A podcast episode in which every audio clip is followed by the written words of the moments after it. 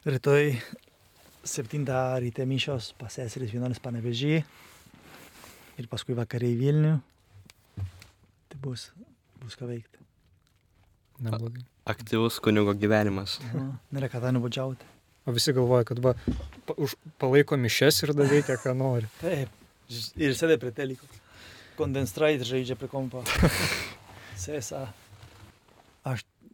Aš galvoju, man pagaus, nes aš turiu šią programą čia, turėjau vakar turėti pagal idėją, bet ne, šiaip senai, kad nebeatvažiuoju, kaip pusantro mėnesio beveik, kad neatvažiuoju. Tai man gaudo, skambina, skambina. Ir neišėjo tiesiog. Taip išėjo, kad neišėjo. O kokia jūsų programa? Um, laida vadinasi Vakarą jaunimui. Ir kalbame įvairiom temom jaunimum, buvo visokių temų.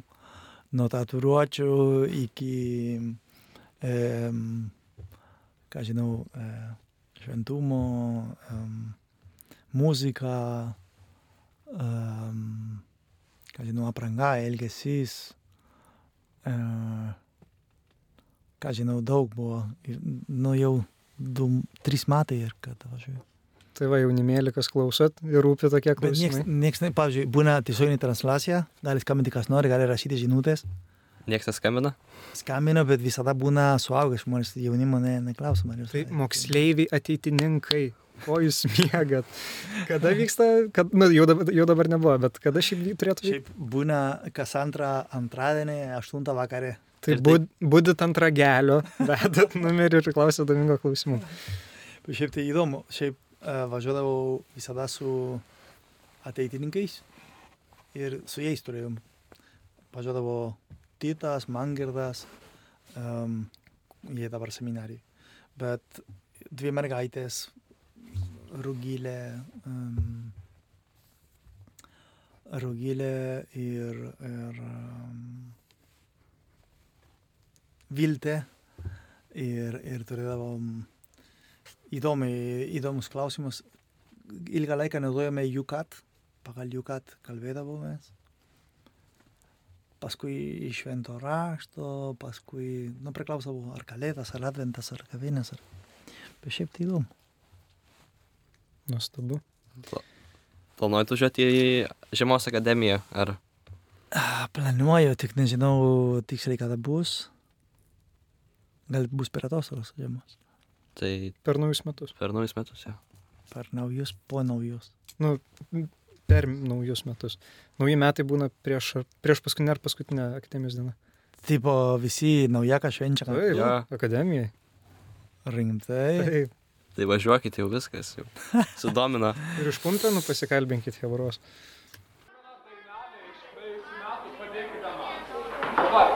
Pirmiausiai mes visi kartu turime dainuoti, tada mes pakartosime dainelę. Aš pirmą padainuosiu visą dainelę. Namelį tavo šalmą. Mažas vyras žiūrėjo, matė kišti verpėdą, į durelės bebeldžia. Leiskit, leiskit mus vidun, nes medžiotojas nušaus, eikš kiškelį, eikš vidun, neįeik stiklo.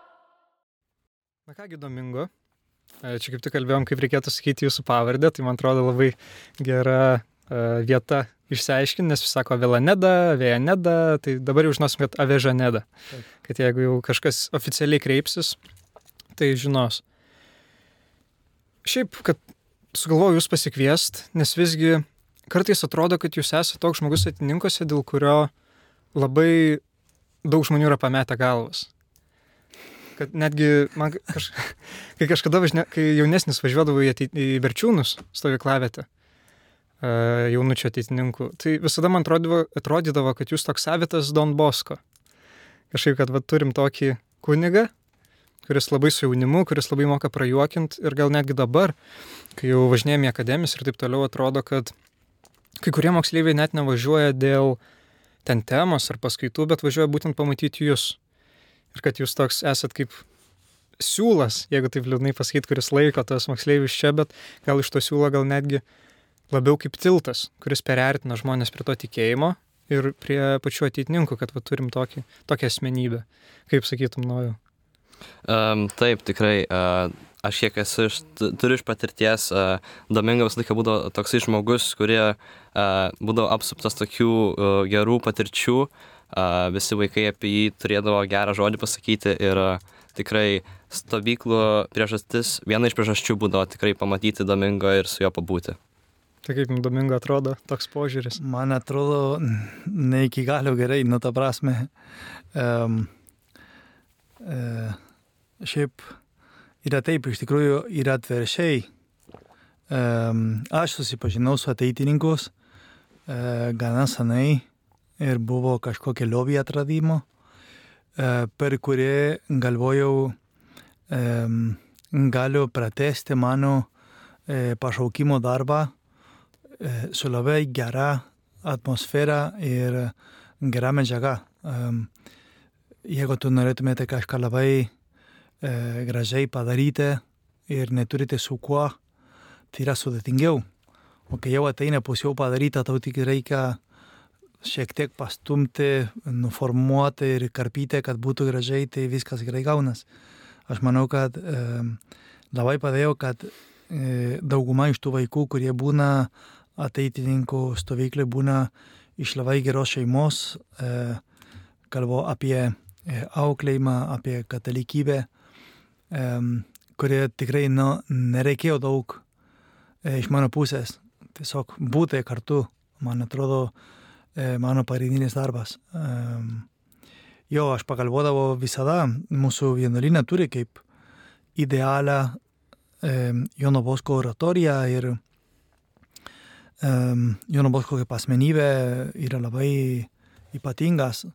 Aišku, mane palyginti su Jono Bosko tai yra dar toli, e, toli gražia. Nu, reikėtų, aišku, daug, daug stengti, pasistengti, kad, kad galėčiau supanašėti į jį.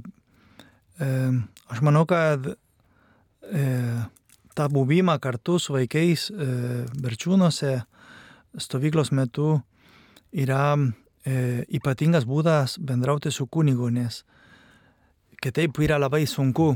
Tai yra mišos dalyvavimas ar katekizmas paruoša vis, vis, vis tiek yra, yra kitaip. Um, galima laisvą laiką praleisti kartu, galima sportuoti kartu, galima žaisti, galima vaidinti, galima tiesiog leisti uh, savo įsivaizdavimą iki tokį lygių, kad uh, vos nesusiliejame, uh, mes tampame vaikai, vaikai uh, su mumis, nu, esame lygus, galima sakyti, nu, ne, ne, ne, nejaučiam tą, um, tą barjerą, nu, kažkaip pasidaro labai natūraliai bendravimas, nėra, kad reikia forsuoti kažkokią bendravimą. Yra tiesiog eini bendrauji, būni kartu ir, ir jau yra gerai. Um, aš manau, kad uh, tos ateitininkus uh, turi kažko ypatingo, nepaisant kartais atrodo, kad aišku, aš kaip kunigas žiūriu ir iš kitos pusės, ne iš, iš dvasinės pusės. E, jeigu dabar klausytų koks ateitininkas sakytų, ne, aš važiuoju, pavyzdžiui, į, į stovyklas, o nėra, kad esu labai užsidėgus katalikas, kad, e, nežinau, vos ne kas antrą dieną eini mišęs ar adoraciją. Bet vis tiek aš manau, kažkodėl e, yra sukurta galimybė, kad tas žmogus galėtų prisartinti prie Dievo per stovyklas. Ir, ir man yra suteikta galimybė, na irgi diev, yra Dievo dovana, nu, pavyzdžiui, kodėl aš galiu būti stovyklai. E, nu, tai yra tikrai dovana.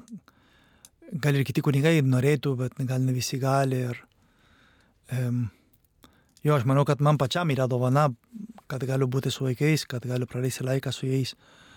E, netgi, nežinau, gal jums būna, bet man tai pavyzdžiui, artėja vasara, jau pradedat galvoti apie verčiūnus, kaip bus šiemet, į kokią pamainą būsiu, ar į kokią datą bus e, įtalpintos, kad galėčiau e, suorganizuoti savo kalendorius, kad galėčiau būti, na kažkaip laukiam tos vasaros, laukiam tos um, verčiūnus.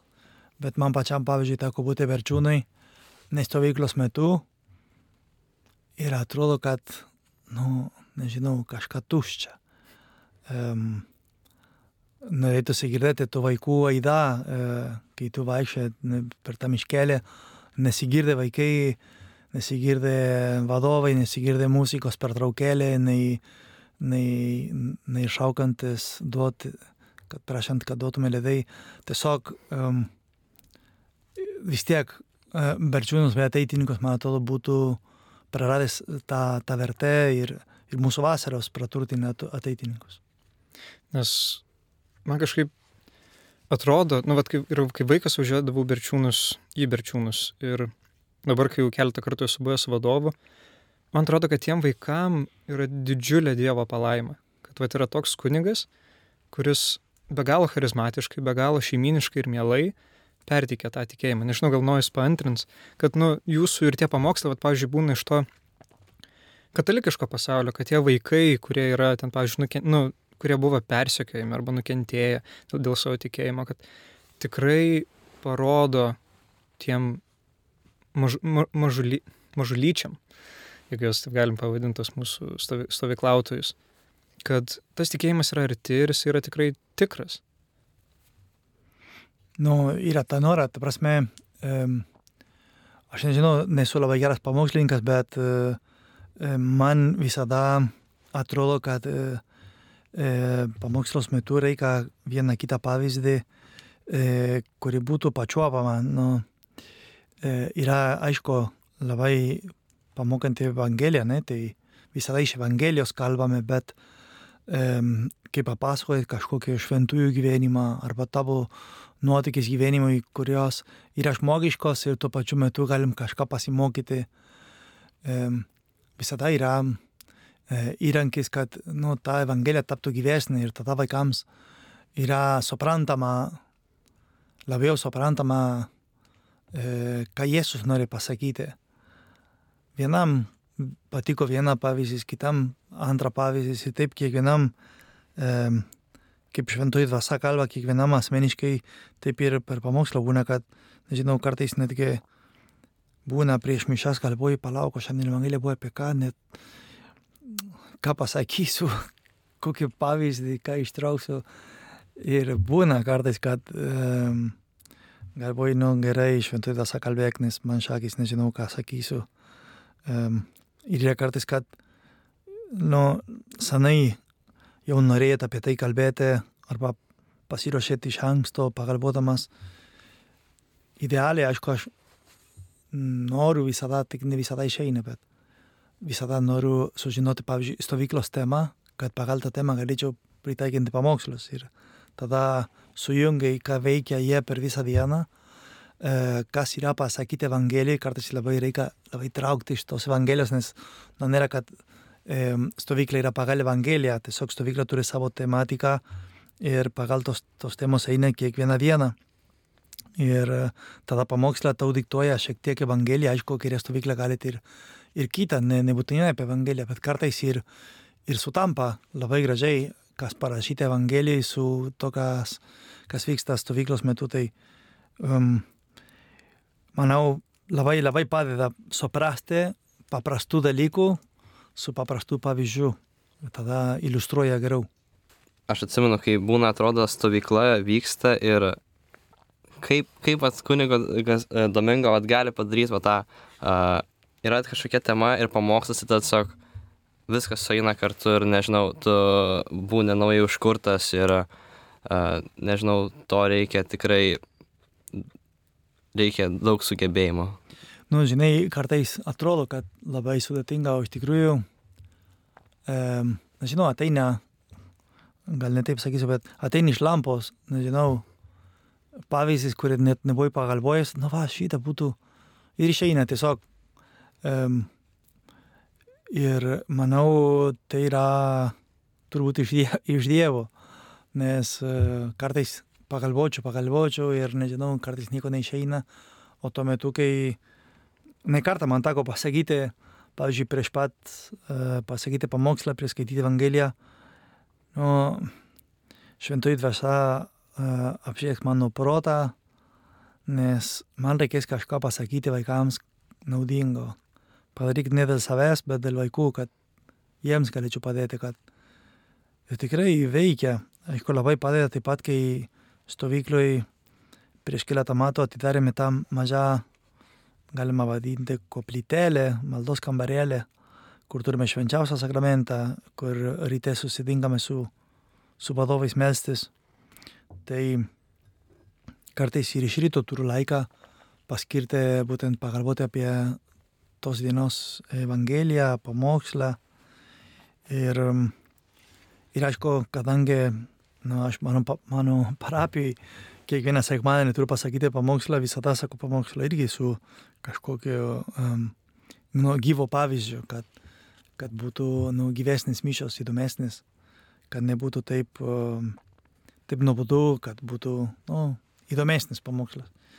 E, kartais, kaip ir yra kiekvienam žmogui, vieną dieną išeina viskas gerai, kitą dieną sunkiau, bet nu, reikia stengtis, tiesiog nenuleisti rankų ir pagalvoti apie tai.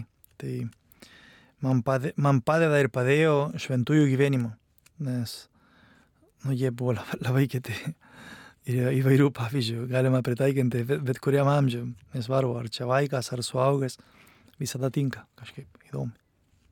Tai aš dabar kažkaip užvedžiau apie tos berčiūnus tą istoriją, nes begalė vaikų atitinkai susipažįsta su jumis būtent per berčiūnus. Nes jūs ten būnat kunigas, be galo praturtina tą stovyklą, bet ta vat jūsų berčiūnuose atsiradimo istorija. Man atsimenu, kažkada pasakojat, kad jūs lygtais Vilhelmina Raubaitė Mikelioninę pakvietė pirmą Taip. kartą e, klausyti iš pažinčių. Jo. Kaip ten buvo, kad atsiradot iš viso to stovyklavimo? Jo, šiaip iš tikrųjų mes kadangi netoli Berčiūnų gyvenam, nu kokias 20 minučių, nu dabar kadangi vidurkis matuoja, tai 30 minučių, bet e, Pumpėnus nuo Berčiūnų visai netoli ir, ir tada e, mums pakvietė, nes ieškojo kunigų, kad kai būna e, tą vakarą, e, susitaikinimo vakarą, e, ieškojo kunigų ir mes kadangi netoli gyvenam, prikalbino, ar galėtume, mes buvom su dar vienu kunigu, kur dabar dirba Argentinoje. Jis šiaip iš Lietuvos kilmės, Mikalionis pavardė. Jis suprasavo lietuvų kalbos daugiau, aš nelabai suprasavo, mes tik tai pusę metų buvome Lietuvoje. Ir e, aš pasakau, nu gerai, galim važiuoti, bet aš galiu klausyti iš pažinties angliškai tik tai, nes lietuviškai negalėdavau suprasti. Ir nuvažiavom. Ir iš karto jau, gal atrodys labai juokinga, bet jau apranga jau pasakė, kad tu kažkur kitur papuolė, tu ne į kasdieninę e, parapiją ar kažkokią paprastą stovyklą. E, Šventinė apranga mišiose. Labai, labai iš karto užkrito, wow, žiūrėk, kažkas čia mergaitės, nu, tikros mergaitės su suknelė, kažkokias virbutės tenai turėjo, um, berniukai pasipuošęs, e, nu kažkaip atrodo tikrai, dar prisimenu tais metais, man atrodo buvo tais metais ar mano pirmo stovyklo, man atrodo irgi padarėme um, e, tokią, kaip čia būtų, kaip varžybą, sakykime, kas gražiau pasipuošė bažnyčią ir duodavom prizo. Žodžiu, e, jau apranga jau buvo, wow, kaip įdomu, kaip čia kažkas nu, nenormaliu. Ir e, aš klausau iš pažinties, gal buvo užsieniečių iš Amerikos, kurie keliaudavo pas mus į stovyklą. Tai jiems tai buvo gerai, o man irgi, nes aš, jeigu nebūtų jie, aš negalėdavau klausyti iš pažinties niekam, nes nesuprasdavau lietuvų kalbą. Tai buvo wow ir aš tada kalbėjau su Vilhelmina, kiek buvo įmanoma bendrauti su ją ir pasakė, nu kitais metais vėl pakviesim. Tai kitais metais vėl pakvietė iš pažinties, mes vėl nuvažiavom ir aš tada jai, aš jau kalbėjau truputį lietuviškai ir pasakau, būtų faina į stovyklą pas jūs atvažiuoti. Rimtai sakė mums kaip tik, būtų faina, nes kartais nerandam kunigo. Nu, man aišku, šiandien ir tą dieną, ir man atrodo visada man taip atrodys, atrodo labai keista, kaip gali netrasti kunigo stovykloj. Nu, ta prasme, nu, sunku suprasti, kad nu, negalima atrasti vieną kunigą, kur galėtų paskirti laiką būti stovyklai su vaikais. Nu, žodžiu. Ir aš tada pasakau, kad taip, kad norėčiau kitais metais būti stovyklai, kad man praneštų. Ir jinai neužmiršo, ir labai rizikavo, nes nepažinojo manęs labai daug. Tik tai per išpažinties, vieną kitą žodis. Jis sakė, žiūrėk, mes neturim kunigo, ar galėtumėte atvažiuoti per čiūnus. Ir aš tada važiavau į Verčiūnus. Aišku, prieš tai norėjau susipažinti su ta organizacija, bet ne taip papuolė, nes papuolė į, į gyvojį akmenį. Nes aš jai, pasakau, kad norėjau susipažinti su, su bendruomenė jos, jinai priklaus, priklausė gyvojį akmenį, akmenį bendruomenį ir pakeitė vieną kartą į Kauną ir staigmena, nebuvo vaikų, buvo suaugusių, sakau, nu ne čia norėjau papulti, kur aš papuolė. Ir um, pasirodo, jo, jinai suprato, kad aš norėjau, kadangi jinai man papasakojo, kad priklauso gyvoji akmens bendruomenė, tai jo papuolė į tokią grupę. O paskui jau pradėjo, nuo pirmos stovyklos, man buvo kabliukas ir, ir nebegalėjo, nu, sunku nevažiuoti į verčiūnus.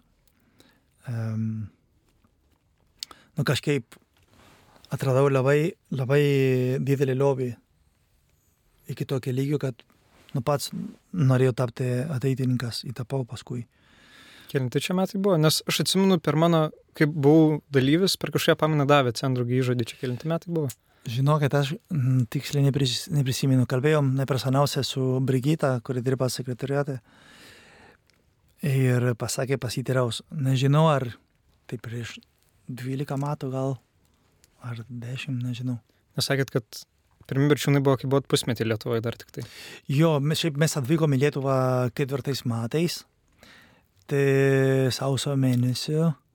Na, tarkim, ketvirtais nesiskaito, penktaisiais gal buvo, kai tik tai iš pažinties, gal šeštaisiais, bet nežinau, gali būti, kad ne, gal dar praėjo vieną metų. O tai po kiek laiko įžodį davėt?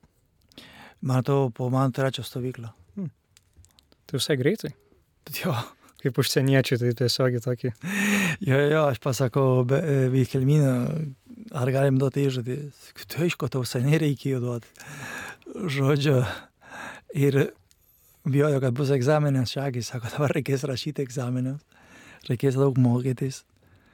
O tiesiog tik reikėjo parašyti prašymą e, į federacijos pirmininką, ar leistų man e, be egzaminų e, duoti įžodį ir sakė taip, tai per tos stovyklas galėjau duoti įžodį. Tik tai nežinau, kiek metų praėjo, iš tikrųjų neprisimenu. Bet aš labai gyvai atsimenu tą, kad va toks kunigas iš Argentinos vaduoda lietuviškiausias organizacijos, kokią gali įsivaizduoti įžodį. Tai buvo Tikrai čia lietuviškiausias. Manau, gal katališkiausias. Nu, kažkaip labai, labai, čia labai įdomu, aš nežinau, kiek žmonių žino, bet buvo didžiulis sutapimas gal dėl to ir, ir, ir norėjau duoti įžadą dėl to, kad sutapo su mūsų vienuolino charizma, su mūsų vienuolino, nu daug, pavyzdžiui, e, mes ateitininkai sakome, e,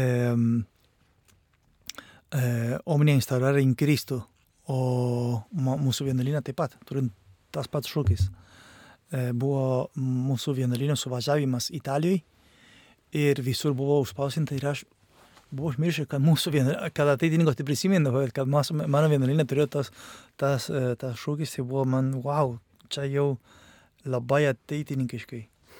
Um, jo, labai nesunku būti su ateitininkais bet kur, kai susitinkame Vilniuje ar Kaune ar Panevežyje, atrodo, tai yra tavo hebra, tavo draugais, tavo, tavo šeima, nu, kažkaip gera, nu, ne, nėra sunku e, prisijungti prie ateitininkus. Nerodo tau naujų Domingo magijos triukų. O, tai prisimenu, būdavo uh, Domingo magijos triukai, tai čia nežinau, uh, Berčiūnas už kokius keturis metus gal uh, prie, aš atsimenu vat, uh, vaizdą, vat, mes stovim prie bažnyčios durų ir Domingo ateina ir jis tiesiog taip išsitraukia iš rankovės savo ten, uh, uh, nežinau, Servetėlė. servetėlę jo ir tada ten visi galvojam, arba ten pirštą kažkaip ten ištraukia ir pan- ten, nu, būdavo toksai, kai maži vaikai būdom, tai tikrai tokia uh, ypatingas dalykas. Aš kaip jūs atsiradote verčiūnas? Mane taip pakvietė, čia atininkai žinos, e, Vilius Kupčikas, toks moksleivis, nes jo brolis važinėdavo į stovyklas ir vienais metais jo tėvai sako mano tėvam, važiuojam. Ir taip atsiradau. Ir man atrodo, jūs jau buvot, nes jau buvot, nes O, atsimenu, tą magišką knygutę rodė triuką per mano Ai. pirmus berčiūnus. Tas spalvot, kur nėra nieko, tada yra formas ir tas spalvota. Tai aš labai gerai atsimenu jūs. Ir vat užkabinat nuo to momento. Bet, pavyzdžiui, e, jūsų šeima irgi turėjo kažką bendro, ne? Ar ne? Nieko, Jūs pirmieji. visiškai nieko. A, ne? Kaip iš gedro dangaus mane taip įstumė ir sakau, viskas, wow. važiuosiu kiekvienais metais, atiduosiu visą širdį. O, O o, pas mane tai, manau, irgi senesni ateitininkai turėtų pažinoti Evaldą Darškų. Tai jisai buvęs uh, daug, nu, met, daug metų komendantas Berčiūnuose ir uh, mano tėvai uh, paskatino, uh, nu, draugavo su juo uh, ir draugauja mano sesė važiuoti Berčiūnus prieš kokius 10 metų. Ir tada aš dar buvau per mažas ir ten palaukau kokius 2-3 metus. Nesupratau, kur jinai važiuoja, jinai tiesiog dingdavo 10 dienų. Ir tada galvodavau, ten grįždavo pilna ten emocijų, apsiverkus, kad paliko berčiūnus, visą laiką norėdavo grįžti atgal. Ir tada aš atvažiavau ir pamačiau, dėl ko jinai taip uh, verkdavo ir, ir kodėl liūdėdavo. Ir tikrai ir uh, taip ir pasilikau berčiūnas ir iki dabar važiuoju.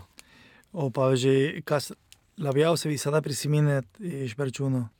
Pa, pavyzdžiui, vakario žaidimo ar, ar ką žinau, ryto pristatymai, ar, nu, kas jums labiausiai užstrigdavo iš berčiūnų?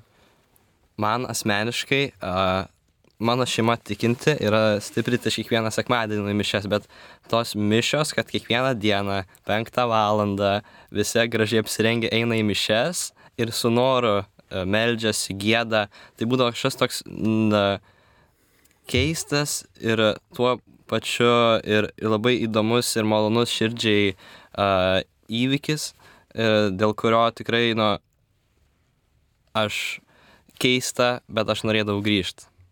Va, man atrodo, kad tas jausmas, žinai, kodėl yra dėl to, kad tu matai labai daug bendramžius ir vaikų, kurie kartu meldžias. Aš ne kartą, pavyzdžiui, aukodamas mišes, pakėlė akis ir matai, nu, pilną verčiūnų bažnyčią e, vaikų. Nu, čia yra stebuklas, tiesiog. Kiek daug vaikų. Aišku, yra kas miega, kas pavargo, kas, bet, bet yra ir kas tikrai meldžiasi, yra kas dalyvauja ir per pamokslą bandai kažką klausti, kažkaip um, vienam kitam, kad būtų įdomu, kad, kad neužmygtų, kad kalbėtų, kad dalyvautų. Ir tai yra, wow, tai yra dar vienas tos verčiūnus uh, stebuklas, iš tikrųjų. Labai geras pastebėjimas, iš tikrųjų, kad gera melstis, kai kiti su tavimi melžiasi. Tai yra, tai yra viena iš tų verčiūnų dovanėlio, iš tikrųjų. O tau, aš nežinau, gal čia labai stipriai nuskambės, bet man atrodo, kam, ko aš pasilikau, atvažiuodavau berčiūnus ir vėliau jau nuėjau į organizaciją jau giliau, tai nes, nu čia vienas iš dalykų, bet man atrodo didžiausias, kad man berčiūnai, nu bet jau galiu sakyti, kad yra ateitininkai, išgelbėjo tikėjimą. Nes mano šeima tai yra tie etatiniai katalikai, kur nuvažiuoja per kalėdas, Velykas į mišes ir to baigėsi, ten užperka užmirusius mišes. Bet ką vad berčiūnai padarė, kad tą visą tikėjimą patikė be galo žemiškai. Ne tai, kad va čia yra kunigas, yra mišios ir čia dabar kiekvieną sekmanį va, vyksta toks, toks mažas Jėzaus gyvenimo atkartojimas, bet kad labai tavo amžiui, labai natūraliai į- įpiešia ir į tas mišes, ir į vakaro programas, ir į vaidinimus, į visą veiklą. Tai yra ne kažkoks, nu paimkim rekolekcijas, kur tu nuvažiuoji ir tik meldies ir ten ieškai savęs, bet labai natūraliai, labai nespaudžiant ir labai žmogiškai pertikė tą tikėjimą. žinai kodėl? Dėl to, kad tu pasakėjai labai raktinė žodis, kad tik tu pasakėjai, neieškant savęs. Nes verčiūnas, e, ne vienas neieško savęs, nes negalim ieškoti savęs. Reikia kaip tik užmiršti savęs, kad e, vienas kitą atiduotų į savo dalylytės kitam žmogui. Ir dėl to stovykla turi ypatingą aurą.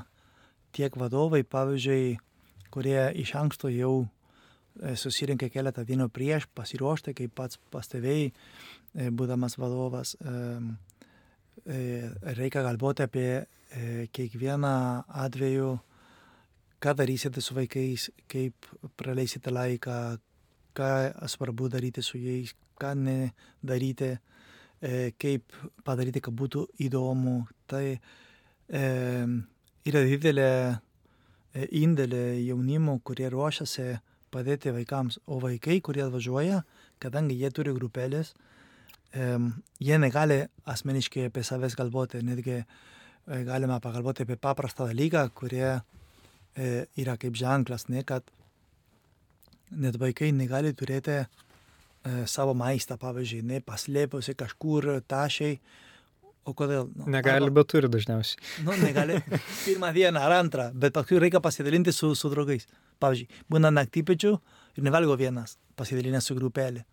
Nu, tas dalinimas, tas nuširdumas arba per prievartą tampa paskui nuširdumas, kad nu, tu savo neturi turėti, o turite bendrauti ir pasidalinti. Ir, ir tai yra mūsų, mūsų katalikų paslaptis. Būtent, kad vienas kitą daliname to, ką turim. E, Ir visi turime. Ir kiekvienas vadovas, kiekvienas vadovas e, gali prisidėti ir e, labai daug prisideda, turėdamas tiesiog savo talentą. Visi prideda savo talentą prie bendro, prie bendro gėrio, prie stovyklos gėrio. Ir, ir tai praturtina. Tai yra katalikų mūsų paslaptis. Bet paminėjot, kaip atsiradot Lietuvoje, tai per savo vienuolyje, ir įskūnėsio žodžio kongregaciją. Taip. Ir, nu, jie misionieriškas skaitosi kaip ir vienuolyje, taip. Kokia buvo reakcija, kai pasakė, kad jūs busite atsiųstas į Lietuvą, į kažkokią Europos užkampį? O tek, bet šiaip Argentinoje teko girdėti apie tokią šalį? Mokykloje ar kur nors? Mokyklai mokėmės, kad yra trys Baltijos šalis, kad yra Estija, Latvija ir Lietuva. E, bet mokėmės, kad e, ir buvo nu, e, priklausę Rusijai. E, paskui, kai įstojau į seminariją, aš turėjau kursokas lietuvis. Nu, ta prasme, mama ir tėtė lietuvi. Jie gimė Lietuvoje, kai turėjo 15 metų keliau į Argentiną, į jaunimo dienos, pasaulio jaunimo dienos buvo. Jie susipažino Argentinoje, būdavos abu iš Lietuvos, viena iš Vilnius, o, o jinai iš uh, Dzukijos berots. Susipažino Argentinai, susitokė Argentinai, bet norėjo grįžti į Lietuvą, tai pasiliko e, Argentinui gyventi. Ir būtent tas vaikas, kuris gimė Argentinui iš Lietuvų tėvų, buvo mano kursokas seminarijai. Tai visada kalbėdavo apie Lietuvą, bet labai liūdnai kalbėdavo.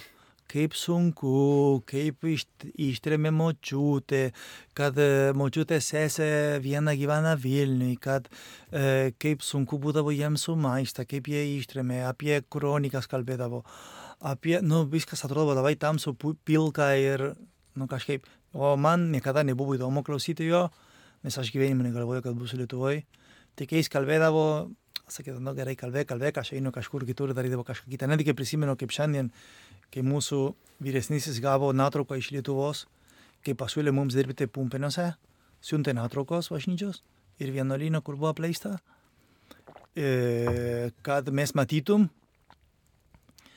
e, kur atidarys vienuolyną e, Lietuvoje, mūsų vienuolyną, kur dirbs. O man tą dieną, prisimenu kaip šiandien, visi puolė prie to kompiuterio pažiūrėti, o kaip nuotrauka. O aš prisimenu geriau matęs su mūsų vienuolynos įkūrėjas, buvom pas jį ir mes kalbam šiaip apie gyvenimą, o visi, oi, žiūrėk, kaip gražu, kokia didelė bažnyčia. O aš galvoju, tikrai aš į Lietuvą neklausiu, tai man, nu, nesvarbu. Dar viena vieta pasaulio kaip ir, kaip ir daugelį vietų. Tai, nu, apie Lietuvą girdėjau, bet niekad nepritaiko savo. Ta prasme, wow, kad egzistuoja, tai egzistuoja. Kad e, yra, bet man nebūdavo net įdomu, nei kaip atrodo, nei ar, ar kokia kalba, ar koks yra klimatas, ar kuriai, kuriai vietoj teks dirbti, nežinojau. O dabar jau ir pilietybę turit. Naują pilietybę turiu. Bet buvo, buvo šokas, kai, nu kaip šokas, man klausė, ar sutinku keliauti į Lietuvą. Ir pa, galvoju, pala, man į Lietuvą. Nu, gerai, galima. Sakė, nieko prieš, nu nieko prieš. Aš buvau pasiruošęs bet kur keliauti iš tikrųjų. Tik man buvo pasakyta prieš pusę metų, nu gal prieš metus iš tikrųjų, prieš metus prieš būti diakonas, man sakė, kad keliausiu į Airiją. Tai aš, kai buvau jaunas ir tik jaunas, mokosiu e, anglų kalbą ir mokyklai, paskui e, anglų kalbos institutą. Ir pradėjau dar papildomą mokytis, nes sakau, vis tiek man reikės airiai kalbėti angliškai. Bet paskui tą airiją tylėjo, niekas nieko šiaip pasakyta gali būti, kad keliausit, bet nu, nebuvo patvirtinta, nei man pasiūlė, nei ką. Ir paskui, kai man skambino, aš buvau Čiliai, kaip diakonas, dirbau Čiliai, mūsų noviciate kaip uh, kunigas padėjėjas. Tai paklausė, per telefoną skambino iš Argentinos, sakė, žiūrėk, galvojam, kad tu galėtumėt keliauti į Lietuvą, ar sutinkai. Nu taip, sutinku, bet aišku, apie Lietuvą nieko nežinojau, net nebuvo įdomu iki to laiko sužinoti. Tada puoliau paimti enciklopediją, skaityti apie Lietuvą, o tai enciklopedija buvo vadinama Ispanų enciklopedija.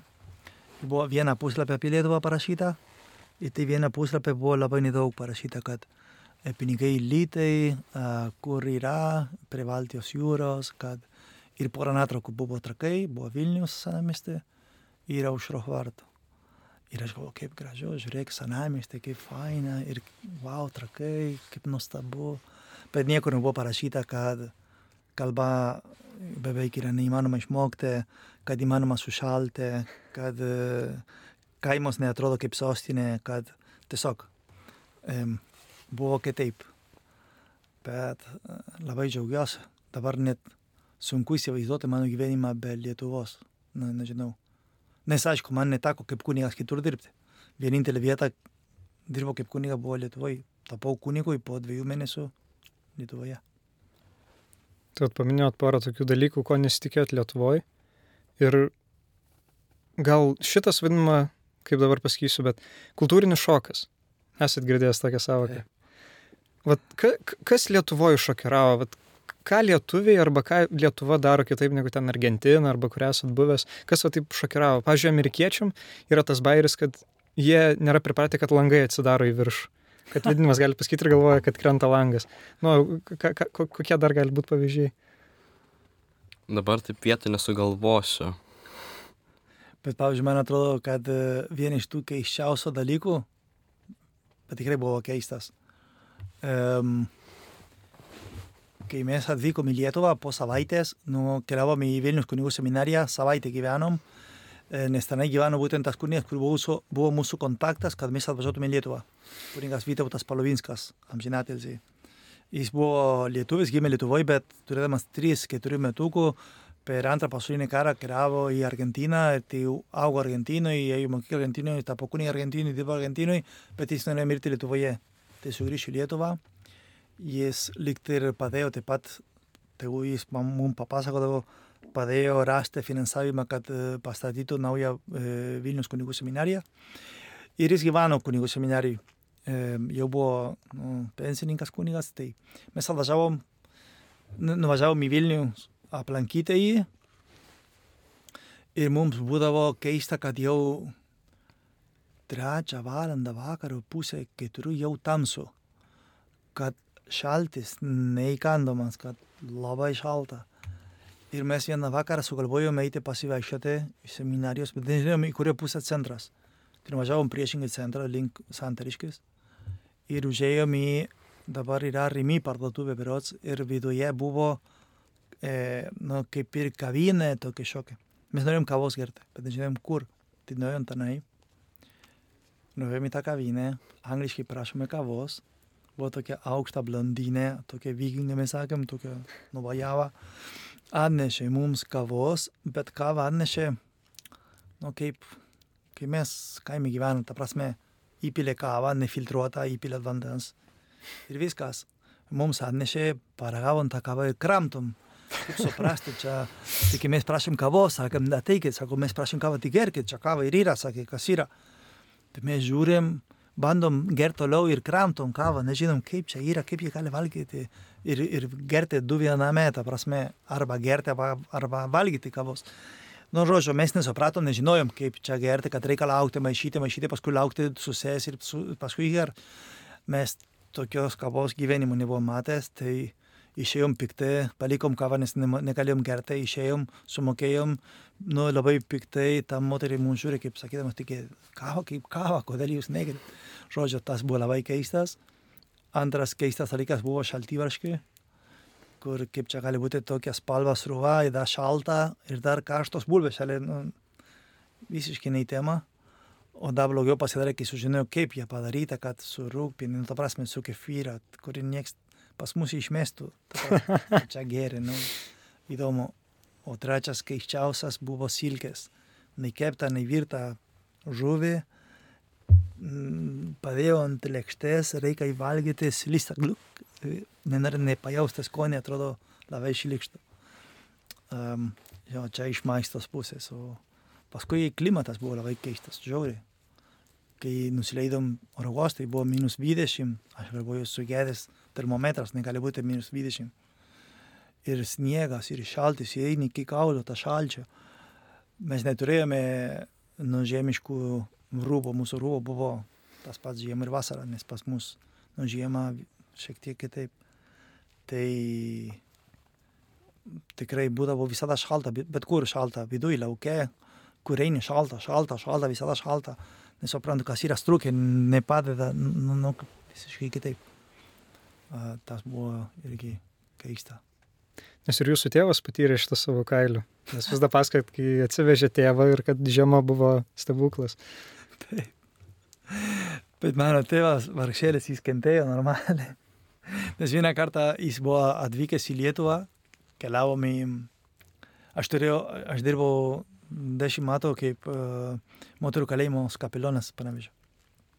Mano tėtis sugalvojo atvažiuoti per kalėdas į Lietuvą. Tai man kučių vakaras reikėdavo važiuoti į kalėjimą, kučiavoti su kaliniais. Tai tėtė negalėjo į kalėjimą papulti su manim, bet jis norėjo man palydėti. Tai sako, žiūrėk, tu į kalėjimą negali, tu gali pasilikti prekybos centre, kol aš nuveinu į kalėjimą, paskui išeisiu, to pasimsiu. Aš nuvėjau į kalėjimą, bet kalėjime nebuvo vara, nebuvo dvi valandos ar dar biški, nes reikia eiti vieną po vieno kambario, e, palaiminį maistą. E, labai vaišingos būna čigonės, kurie tau nori vaišinti maisto ir atsisėsti ir pabendrauti ir pasidalinti ir kai kas duoda mandariną, kai kas kučiukų. Ir žodžio, kol pereini visus, tai užtrunka laiką. Aš išeinu, kadangi kalėjime negalim turėti telefoną, žiūriu telefoną, mano tėtės praleistų skambutį, nežinau, 20 praleistų skambučių. Skambinu jam ir jis labai piktas, susinervavęs, sakė, kur tu esi? Aš ką tik iš kalėjimo išeinu. Tik atvažiuok man pasimti, tik gerai, tik tau šilta. Koks skirtumas, išgerėti kavos, gal atsisėdo kažko skaityti, jau buvo pasimę knygą skaityti. Bet kas atsitiko, kadangi kučių vakaras, prekybos centras užsidarė labai anksti, išvarė iš prekybos centro, turi laukti laukia. Laukia, sninga, šalta, minus nežinau kiek ir jis nežinau kur dėtis, baigė sušalti, o aš kalėjime, man ne, nešalta buvo, bet aš, aš turėjau dirbti tiesiog, man toks darbas buvo. Tai jam buvo ne kažką, tai turėjau patirti žiemą savo kailį. Tai jau čia net nebe kultūrinis, o tiesiog šokas Šokas jo. nuo šalčio. Įmanoma sušalti, sakė, mirsiu, čia neįmanoma. Jo, jo, įdomu. Um, kaip atvyko ta adaptacija, kai vat, atvykot į Lietuvą, vat, sakėt, vat, tas buvo kultūrinis šokas, tiesiog vat, kaip uh, šokas, vat, temperatūrų klausimų ir panašiai, vat, kiek laiko užtruko vat, ir kokie vat, buvo emocijos, kaip uh, tas vat, žmonės, vat, jūsų pačios parapijos, vat, uh, kaip Buvo labai viskas įdomu. buvo. Labai įdomu, nes mes atvykom į vienuolyną, buvo apleistas pastatas, nu šiek tiek apleistas, ta prasme buvo e, pora kambarių suremontuotus kabutėse. Buvo vienas tokia labai sena bonės kambarys ir, ir viskas.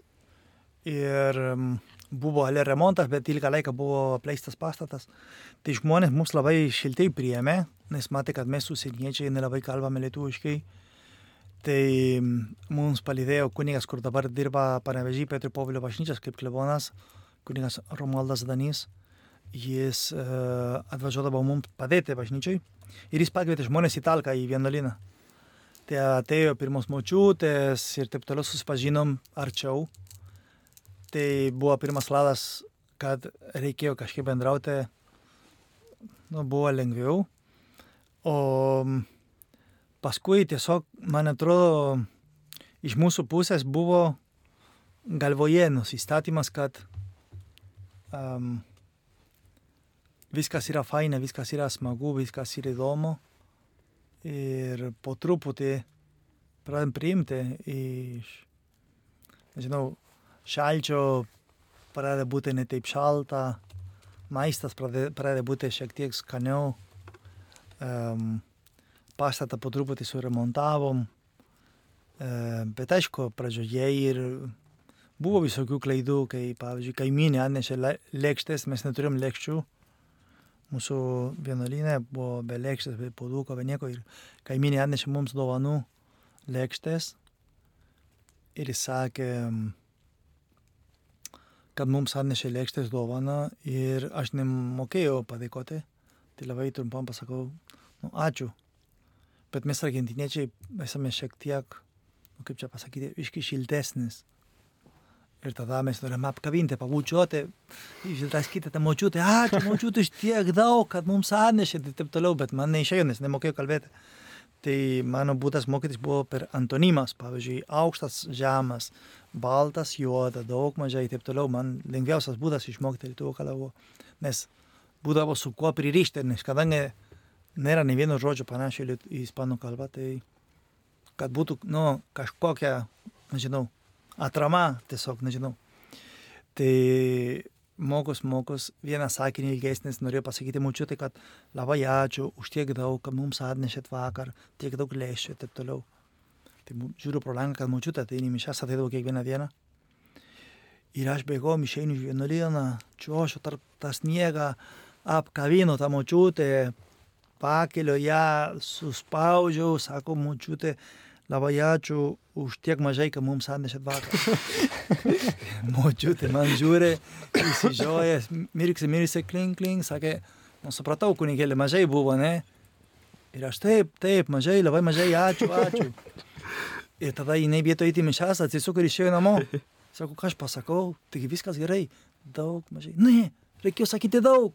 Palauk, močiutė, močiutė, tai kad ne, ne, kunigėlė, supratau, buvo mažai, buvo mažai, išėjo namo ir grįžė važnyčia su podais. Sakė, gal dabar užteks kunigėlė, dieve mano, kaip buvo sarmata. Kaip paaiškinti, kad ne, aš noriu pasakyti tiek daug, bet nu, taip išėjo. Tai nu, buvo į naudą, šiaip nes podos neturėjom, bet, bet vis tiek norėjau padėkoti už tiek daug ir išėjo atviršiai. Viskas gerai, kas gerai baigėsi, vienu žodžiu. Nu taip, arba parduotuviai, aš turiu tokį kišeninį žodyną, norėjau paprašyti batoną, sūrį ir kažkokią šlapenkę ir kažką valgyti, nes mes neturėjome orkaitę, viryklę, tai mes valgėm su muštinu ilgą laiką, bet neturim peilį, su kuo pjauti duoną, ta prasme. Tai nuėjau į parduotuvę, ištraukiau, kaip pasakyti batonį ispaniškai, pas mus batoną, duoną yra vienas žodis, pan. Tiesiog aš ieškoju pan, man rodo duona, nueini parduotuvę, sakai, noriu duoną. Pardavėja man žiūri, ką, duona. Atnešė, padeda didelę juodą kapalą ant, ant stalo. Ne, ne, ne, sako, man reikia duonos. Sakau, tik duona yra. Ne, man, e, aš noriu duoną. Nu, sakė, duoną imk. Ne, ne, ne, sakė, kaip paaiškinti duoną, pjausti duoną, paėmė peiliai, pradėjo pjausti duoną, ne, ne, ne, ne, ne tos, aš noriu duoną, tai prasme, nu, nesuprato, sakė, možna parūski, ne, ne možna. tai tada atidarė durelį, sakė, padė, ateik pats išrink, ką tau reikia. Tai nuėjo, paėmė batoną, sakė, ai, tai čia ne duona, čia batona. Nu, ką žinau, sugalvojo dar naują žodį, lietuviškai, galėjo būti duona, tiesiog pjausti tą duoną, baltą, pjausti tą duoną, viskas, ne batona. Tai o žodinė nebuvo batona, parašyta buvo duona. Tai... Nu, bet nu, nuo tada jau atsiminėt batonas. Nu tai taip, aišku, paskui aš sakydavau bastonas, ne batona, bet bastonas, nu žodžiu. Bet jo, buvo, buvo ko išmokti. Įdomu buvo. O, niek, n- Nu, sakyk. sakau, niekada nesigailėjot, kad atvažiavot. Nebuvo minutės, kada blemba reikėjo likti arba reikėjo bėgti tą airiją. Turėjau momentą, bent jau batono nereikėtų prašyti. Ne, buvo tik vieną kartą gyvenimui, bet buvo dėl to, kad um, iš pykčio, ta prasme, man buvo susprogo pečias, buvo labai senas pečias vienuolynas. Ir gyvenau vienas vienuolynas, kitas kunigas keliavo į kitą misiją ir aš pasilikau vienas gyventi pumpeniuose. Gyvenau vienas, nu gal kokias tris metus su pusė. Ir, em, žodžiu, baigus sušalti, nes buvo žiema, neturiu pečios, negaliu, neturiu pinigų remontuoti pečios. Tai nuvažiavau pas viskupą ir sakau, žiūrėkite, ekscelencija, nu, mano pečios e, sugedęs, tai man reikia pečios. Ką padarysim, sako, aš pinigų neturiu. Tai ką man daryti, sušalt? Nu taip.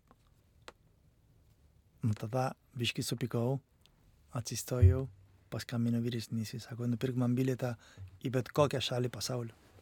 O kodėl, kas atsitiko, raminkis. Aha, raminkis pats, atvažiuok tu gyventi čia su minus 30, be pečios, neįmanoma čia, atvažiuok tu į Lietuvą, Ma- mainykimės, aš važiuoju į Italiją, gyvensiu Lafa, kaip tu gyveni, atvažiuok tu į Pumpinis. Nu, sakė, palau, palau, kas yra, nu, paaiškinu, kas atsitiko. Tai jie man siuntė, prisimenu, 50 eurų, jausdavos žiauri turtingas. Pakeičiu lietas, tai nusipirkau elektrinę šaldytuvą, šildytuvą į savo kambarį.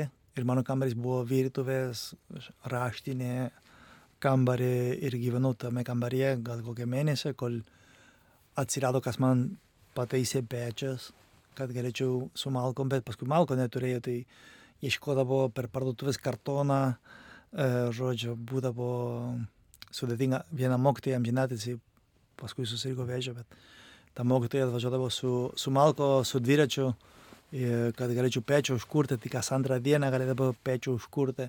Nu, ta žiema buvo įdomi. O su žodinėliu vis dar malko ieškojot, ar jau mokėjot? Tiesiog šalta ir viskas, reikia malkų. Galvojau, taip trumpai šnekam, žiūrėkit, kaip prabėgo laikas. Tai kaip ir į pabaigą tada, turim dar keletą klausimų, kuriuos uždavė žmonės tam mūsų vidiniam tinkle Mighty Networks. Tai pirmas klausimas būtų, kelinta raketė buvo Argentinoje vis dėlto, susipykom su draugu dėl atsakymo. E, kai turėjau 16 metų, buvau 14. 14 raketė Argentinos mano kategorijos, ne?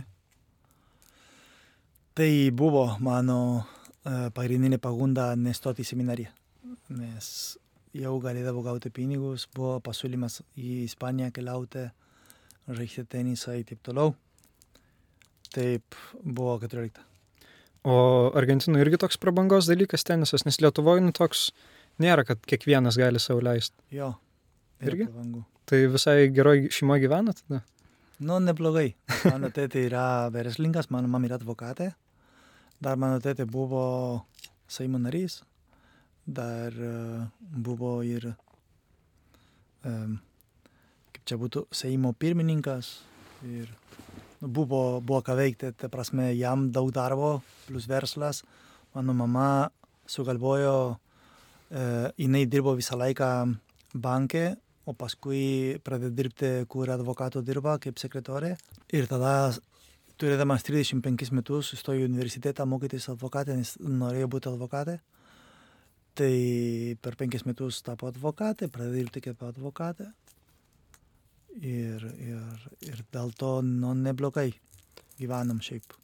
O jūs paminėjot, kad vat, tėtis verslininkas, mama advokatė, tai uh, nu, tokios uh, aukštos ir nu, Seimo visuomeniai. tikrai pirmininkas, nepamirškim irgi. Tai, taip, svarbios pareigos visuomeniai. Kodėl, kaip jūsų tėvai reagavo, kai vat, jūs pasakėt, kad aš noriu eiti į kunigystę? Nes, nes pasakodavot, kad jūsų mama melsdavosi už pašaukimus ir tada tik tai supyko, kad jūs pašaukė. Dievas. Taip, šiaip mūsų šeima e, labai katalikė šiaip buvo. E, mes visada turėdavome dvasinius pratybos pagal Ignacio iš Loyolo, tylios rekolekcijos penkias dienos. Mano pirmas buvo, kai turėjau 14 metų. Ir per tos rekolekcijos visada atsinaujindavo norą mestis šeimoje. Tai mes kiekvieną vakarą kalbėjome rošančią su mama, tėtė, e, svetainė prieš vakarienę. Nu, ilgą laiką, ne kiekvieną dieną, bet ilgą laiką. Ir mama visada sakydavo, nu reikia mesti už, už pašaukimus, už pašaukimų kunigystę, ir mes esame už pašaukimą, mes esame už pašaukimą. Tai aš baigiau mokyklą ir tais pačiais metais, kai aš baigiau mokyklą, mano vyra, aš turiu, mes esame penki vaikai. Vyriausia sesė turėjo savo draugą, jau dešimt metų draugavo su drauga. Paskui mano antra sesė, jinai neturėjo draugą, bet tais pačiais metais, kai aš baigiau mokyklą, jau buvo baigęs, ban- bandė stoti į skirtingos profesijos universitete. visokius mokamus universitetas stojo čia ir tai ir tai ir nieko nepatinka iki galo, kol galiu galė sakė stosiu į vienuolyną, jinai įstojo į seserų vienuolyną ir tais pačiais metais aš važiavau į kunigų seminariją. Mama sakė, kai aš pasakau, buvo per visų šventųjų dieną, sako, mama, varom į, į mišęs. O kodėl nereikia? Reikia, būtinai einam. Tai nuėjom į mišęs ir po mišių sakau, gerai, einam į bažnyčią, reikia su tavimi pasikalbėti. Nu, ką nori pasakyti? Važiuosiu į seminariją. Kas, kodėl, kas tau atsitiko? Nieko neatsitiko, nes aš turėjau šiokį tokį labai gerą draugę ir susipykai su draugė. Ne, viskas normaliai, bet mano pašaukimai yra būti kunigo ir važiuosiu vienuolinę. Tai verkė, verkė, kai būtų užmušta, verkė, verkė, verkė, verkė, kodėl, kodėl, ką aš blogo padariau, atviršiai, tai čia Dievo palaima. Nu, nepaisant, kad labai katalikai labai, um, labai jautriai reagavo, tai um, sakė, kodėl ikonystė, nu, tai meldėmės kartu už pašaukimus, bet ne mano šeimai, kažkur kitur, turbūt kažkur, kodėl mano šeimai, nu pati prisidirbo.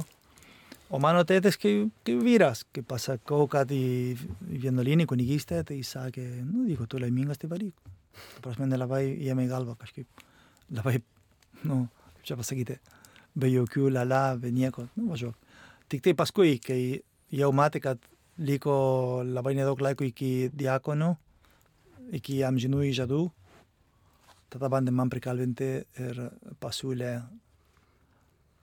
pasiūlė, kaip būtų mano priešas, atėjo ir sakė, žiūrėk, yra šitaip, aš nieko prieš, jeigu tu nori būti diakonas, kuniga, taip toliau, bet tada jau tas bet nubraukė viskas ir sakė, jeigu tu nori, aš galiu tau nupirkti būtą Buenos Aires centre, sostiniai, nusipirksi mašiną, kokią tu nori, išrink kokią nori, stok į bet kokią mokamą universitetą, sumokėsiu aš, nėra problemų, aš to palaikau, tik išrink, kaip tu nori gyventi.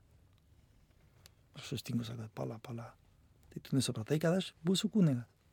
Bet kaip tu atsisakysi visą turtą, tu turėsi neturtų iš... Nu taip. Tai kam aš taip dirbu, ką žinau savo. Nu tai, o kas prates mano darbą, ką žinau, sesė, brolių, ne mano reikalas.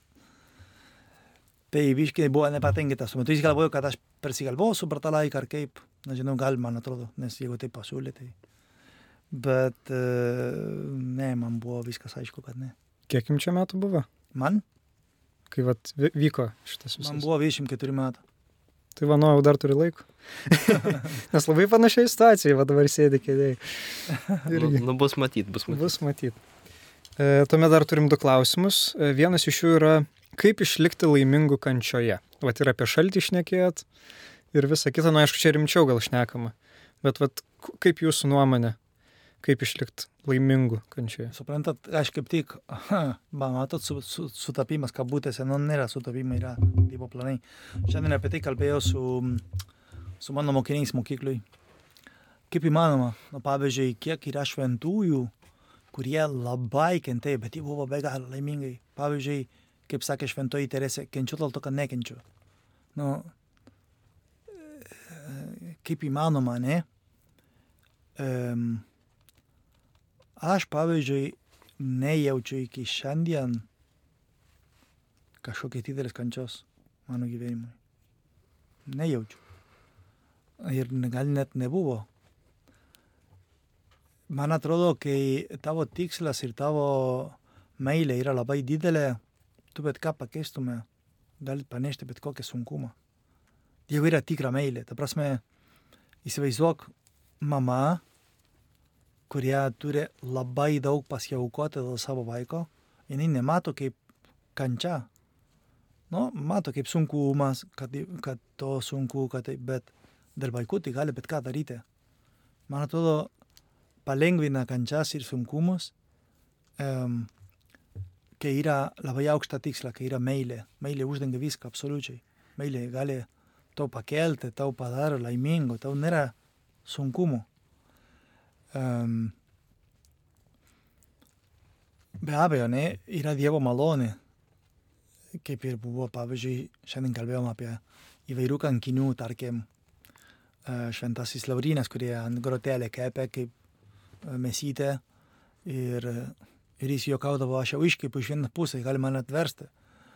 nu, ką žinau, nu, ne visi turi tu tą jėgą, ne, ar, nežinau, Joselito Sančias, kai, kai nuėmė iš pėdo sodos, tarkim, nu, kaip jis galėjo, paskui nuėjo iki kapos vietą ir prie mamos paklausė Kristo tėvo, ar jeigu tu pasakai, kad tu nemyli Jėzų, aš tu paleisiu, tu būsi mama, tėtė laimingas, jam 15 metų, 14 metų.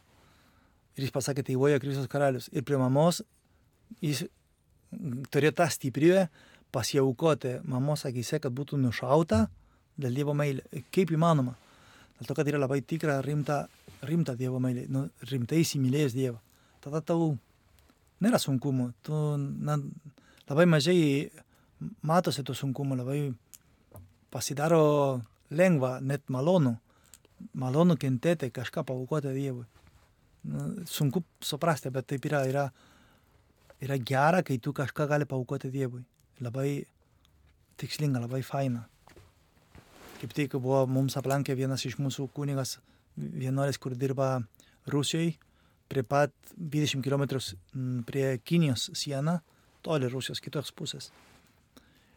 Jis turėjo keliauti į Italiją, tai buvo sunku, nes nuo Rusija neleidžia į Europą, tai jis turėjo keliauti į Kaliningradą, nuo Kaliningrado pėstutė pereiti per sienos, mes paėmėm jį prie sienos, paėmėm pas savęs į pumpenius, kad būtų porą dienų Lietuvoje, kad matytų kryžių kalną, aušro vartų, e, šyluvą ir visos tos mūsų turtą, ką mes turime Lietuvoje.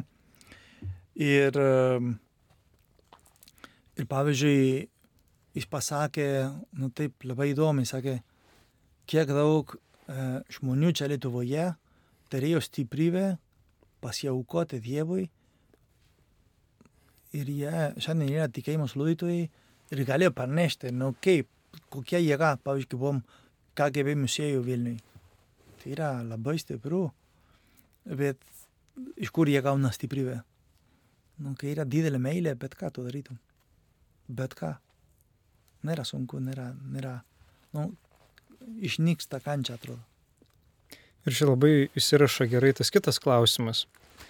E, kaip išdrysti rinktis tiesą? Nes vat su Vyčiu Turoniu, an, anoje ano laidoje šnekėjom, kad, nu, čia mano buvo toks pasakymas, kad turim begalę jaunų žmonių, ne tik moksleivių, bet ir tiesiog jaunų, jau pabrendusių žmonių, studentų, moksleivių, kitų, kurie gal ir tiki, bet dėl spaudimo iš visuomenės arba šiaip iš baimės to nepripažįsta. Tai vad kaip išdrysti rinktis tiesą? Žinai, labai, labai sudėtinga šiandien Jono Evangelijoje 15 skyrius, jeigu neklystu, um, 15-17 jis parašė, kad jeigu manęs mylėsite, jūs laikysite mano įsakymus. Kažkaip taip. Bet suprantat, kas yra? Gali būti, kad yra tikintis bet um, nu čia gali būti labai, um, gal netaktiškai pasakyti, bet pasakysiu, gali būti tikintis, bet neįsimylėjęs. Čia yra didelis skirtumų. Pavyzdžiui, paaiškinsiu geriau. Pavyzdžiui, gali būti žmogus tikintis, kuri gali eiti mišęs sekmadienis. Bet eini mišęs sekmadienį dėl to, kad nu parašyta eiti sekmadienį mišęs šią sekmadienį, kad nebūtų sunku nuodėmė. Pati širdies, kad norėtų savo maitinti, kad matytų prasme būti su Kristumi, kad norėtų pasimesti ir pabūti su juo vienatvė tavo širdyje. Nežinau, kiek tu yra, kurie eini šią sekmadienį. Už tai, jeigu tu nesi iki galo įsimylėjęs Dievo, tu visada bus gėda ir sarmata, ir sunku. Nes pasaulis tau parodo visiškai kitokią gyvenimą. Visiškai kitokią gyvenimą. Ir nori tau atrodo, parodyti kaip taisyklės. Tik visi taip daro, visi taip elgiasi. Tai čia normaliu. Tai yra visos tos e, trumpos pasakytos pasaulietiškus žodžius. Ir tai yra nu, tiesa, ką jie pasako. Bet tai tiesa gyvenant pagal pasaulio taisyklės yra labai sunku būti tikras katalikas ir atstovauti tikrai savo tikėjimą. Labai sunku, jeigu nėra tikra, tikra meilė. Man atrodo, kad meilė yra ta, kurią e, gali nugalėti ir bet kokios gėdos, sarmatos ir, pavyzdžiui, aš duosiu paprastą pavyzdį, aš esu kunigas, ne, pasiaukoju Dievui. Bet eiti į parduotuvę, Maksimos parduotuvė, Norfos, e, bet kokia būtų, nežinau, em, su sotana, nėra lengva. Tu žiūri visi kaip rapsuotojas, kaip koks keistas, ką jis čia daro parduotuviai, kad, nu, atrodo, kad kunigai nevalgo, nežinau, bet, žodžiu, e, gatvėj, bet kuriai vietoj aš eičiau su sotana, tai ne visur yra priimtas, kai kur yra nemalonu. E, bet kai tu eini ne dėl savęs, dėl Dievo meilės, tai viskas gerai. O ką pasakys, ką kalbės, ką sakys, tau yra tas pats. Bet aišku, turi būti stiprus viduje ir įsitikinęs šimta procentų, kad tu darai ne dėl savęs. Dėl to, kad nu, tu myli Dievą, nori jį dar labiau mylėti. Ir bet ką darytume dėl Dievo meilė. Jeigu žmogus sunku suprasti, kad yra ta meilė ir kad ją reikia sekti. Jeigu yra sunku suprasti, kad yra meilė, tai gali būti, kad pats neatrado tą meilę, nu, nes dėl to negali suprasti. Suprantat, yra, e, kad tikėjimą taptų gyva, turi būti realybė, negali būti e, vien taisyklės ir prievartos. Pavyzdžiui, žmogus, kuris sportuoja, tarkim, nu, esame krepšinio šalyje, tai tas, kuris žaidžia krepšinės, jis tuo metu, kai turi kamuolis, jis negalvoja, negali pasimti su abi dvi rankas ir vėl mušinti ir vėl pasimti su abi dvi rankas. Nes tada bus žingsnis. Ne, tai reikia žinoti taisyklės. Jis pats žino, kaip reikia žaisti ir negalvoja tuo metu apie taisyklės. Jis tiesiog e, jau moka žaisti ir jam nebereikia kalbėti apie tai. Jis daro mechaniškai, ne? E, mes galime daryti iš tikėjimo daug dalykų mechaniškai, dėl to, kad žinome taisyklės, nu, švęs sekmadienį, reikia mestis, prieš eiti mėgoti melžiuosi, iš ryto melžiuosi. Bet galima ir dar kai ką daryti. Pavyzdžiui, tas žmogus, kuris jau moka žaisti, vis tiek eina treniruojas, ieško kaip mesti kamuolį taisyklingiau, ieško kaip e, gerą pasą, kaip e, kokias, e, nežinau, gudrybės padaryti, kad apgautume priešas. Na gerai, viso to lygiai taip pat reikia padaryti per mūsų tikėjimą. Kaip ap- apgauti priešas, pastebėti, kur ateina pagundos, pagalvoti, kokiais būdais jie nugalėti, pagalvoti, kaip tu gali būti dar geresnis katalikas, kaip tu galėtume dar patobulintis, kaip galėtume daryti, tada atsidaro nu, didelė, didelė, didelė mūsų katalikų darba, kurį mes darome nu, labai mažai iš to. Sakau mes, nes viską, visos darbus turi pradėti nuo kunigų. Kartais mes kunigai nedarom, ką turime daryti. Tai ten ir bėda irgi. Pavyzdžiui, nevažiuojate berčiūnus vasarą. Pavyzdžiui. Tikrai. Gal nuojautų dar kokį paskutinį klausimą iš savęs, kuris rūpėtų. Nes nemačiau, kad maitį būtum parašęs. Ne, neradau šiaip ties pasakius. Ieškojau, bet neradau. Kažkaip ne, neiššoko žinutė, kaip sako. Tai e, ką, gal toksai e, klausimas, ką norėtumėt palinkėti kiekvienam vat, e, ateitininkui, kuris e, kaip va, tą rasti tą meilę Dievui ir kad jinai tiesiog nu, plūstų iš širdies ir kad tas toksai atsiskleistų tikras ateitininkiškumas ir tada būtų tokia dar didesnis noras daugiau daryti ir kurti. Čia labai gerą klausimą. Labai. Labai sunku atsakyti. um, suprantat, kas yra? Aš galvoju, kad kiekvienas ateitininkas, mes turime mūsų principus, ne? Bet um, kiekvienas ateitininkas būtų dar geresnis ateitininkas, jeigu uždegtų meilę Dievo, kaip pa- pasakai, ne kaip, kaip už, uždegti tą meilę Dievo. Čia yra labai keistas dalykas, nes mums, kad mylėtume Dievą, mums reikia Dievo malonė, kuri ateina iš pati Dievo. Tai Dievas mums turi duoti malonę, kad mes jį mylėtum. Tai yra kosmosas, bet tada ką reikia daryti? Prašyti per maldą. Dieve, padėk man tave mylėti. Kad aš tavęs mylėčiau visą širdimi, bet tikra meilė, ta prasme, atrasti, kad jis yra gyvas manyje, mano širdyje, mano gyvenimui. Ateitininkai mes visada, pavyzdžiui, e, prieš valgiant laiminam maisto, dėkojame po maisto, prieš renginių visada melžiamės. E, mūsų himnas, netgi, ne, parašyta, kad nutiltų kie, tie, kurie kovoja prieš, prieš tikėjimo. Tai yra labai daug turtų, bet e, kad uždegtume meilę, reikia daryti meilės darbais. Ir tą meilę darbai mes galime parodyti e, tarp ateitininkus, neieškodama savo naudos, o artimo žmogų naudą. Ne kas man patinka, ne kas man įdomu, o ką galėtų jam padėti, kas jam būtų įdomu, kas jam visada galvoti apie artimą žmogų. Kai tu duosi meilę, tu gausi meilę. Ir lygiai taip pat bandyti daryti su Dievu. Um, atrasti Dievui kiekvienoje vietoje, kuris yra, ir prašyti jam, kad gebėtume jį mylėti ir darytume viską, ką, ką darome, ne dėl savęs, o dėl Dievo meilės. Nu, yra, yra sunku, kaip pasakau pradžioje, nes reikia įprotį, reikia priprasti, pagauti savęs tuo metu, kai ieškome savęs.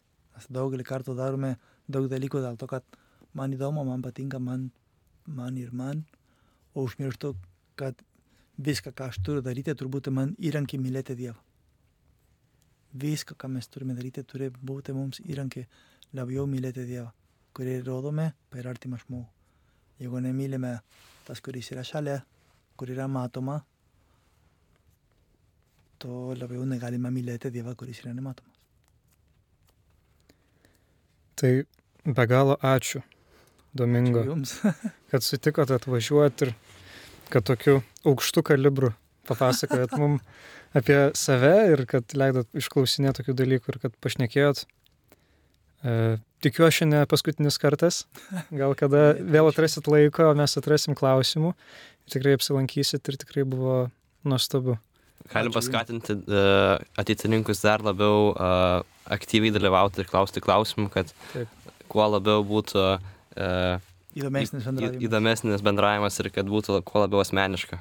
Nes visgi jums moksleiviai daromi šitą dalyką, kad susipažintumėte su asmenybėm ir sekit e, Maso Mighty Networks e, kanalą, ten bus patalpinti klausimai prieš kitą tinklalaidę ir galėsit užduoti klausimą ir aišku, į jį bus atsakyta. Na, tai dar kartą norėčiau be galo padėkoti Domingo Vežanedą. E, Čia buvo aš, Matas Banzevičius. Nojus Narauskas. Ir taip pat paskatinčiau mus remti Contribui platformoje, nes tik sudindami gilės galime užauginti ažalus. Dėkoju Marijos radijui, kad prieėmė mus. Taip pat dėkoju draugams ateitininkams. Iki greito. Ačiū labai. Viso. Dėkui.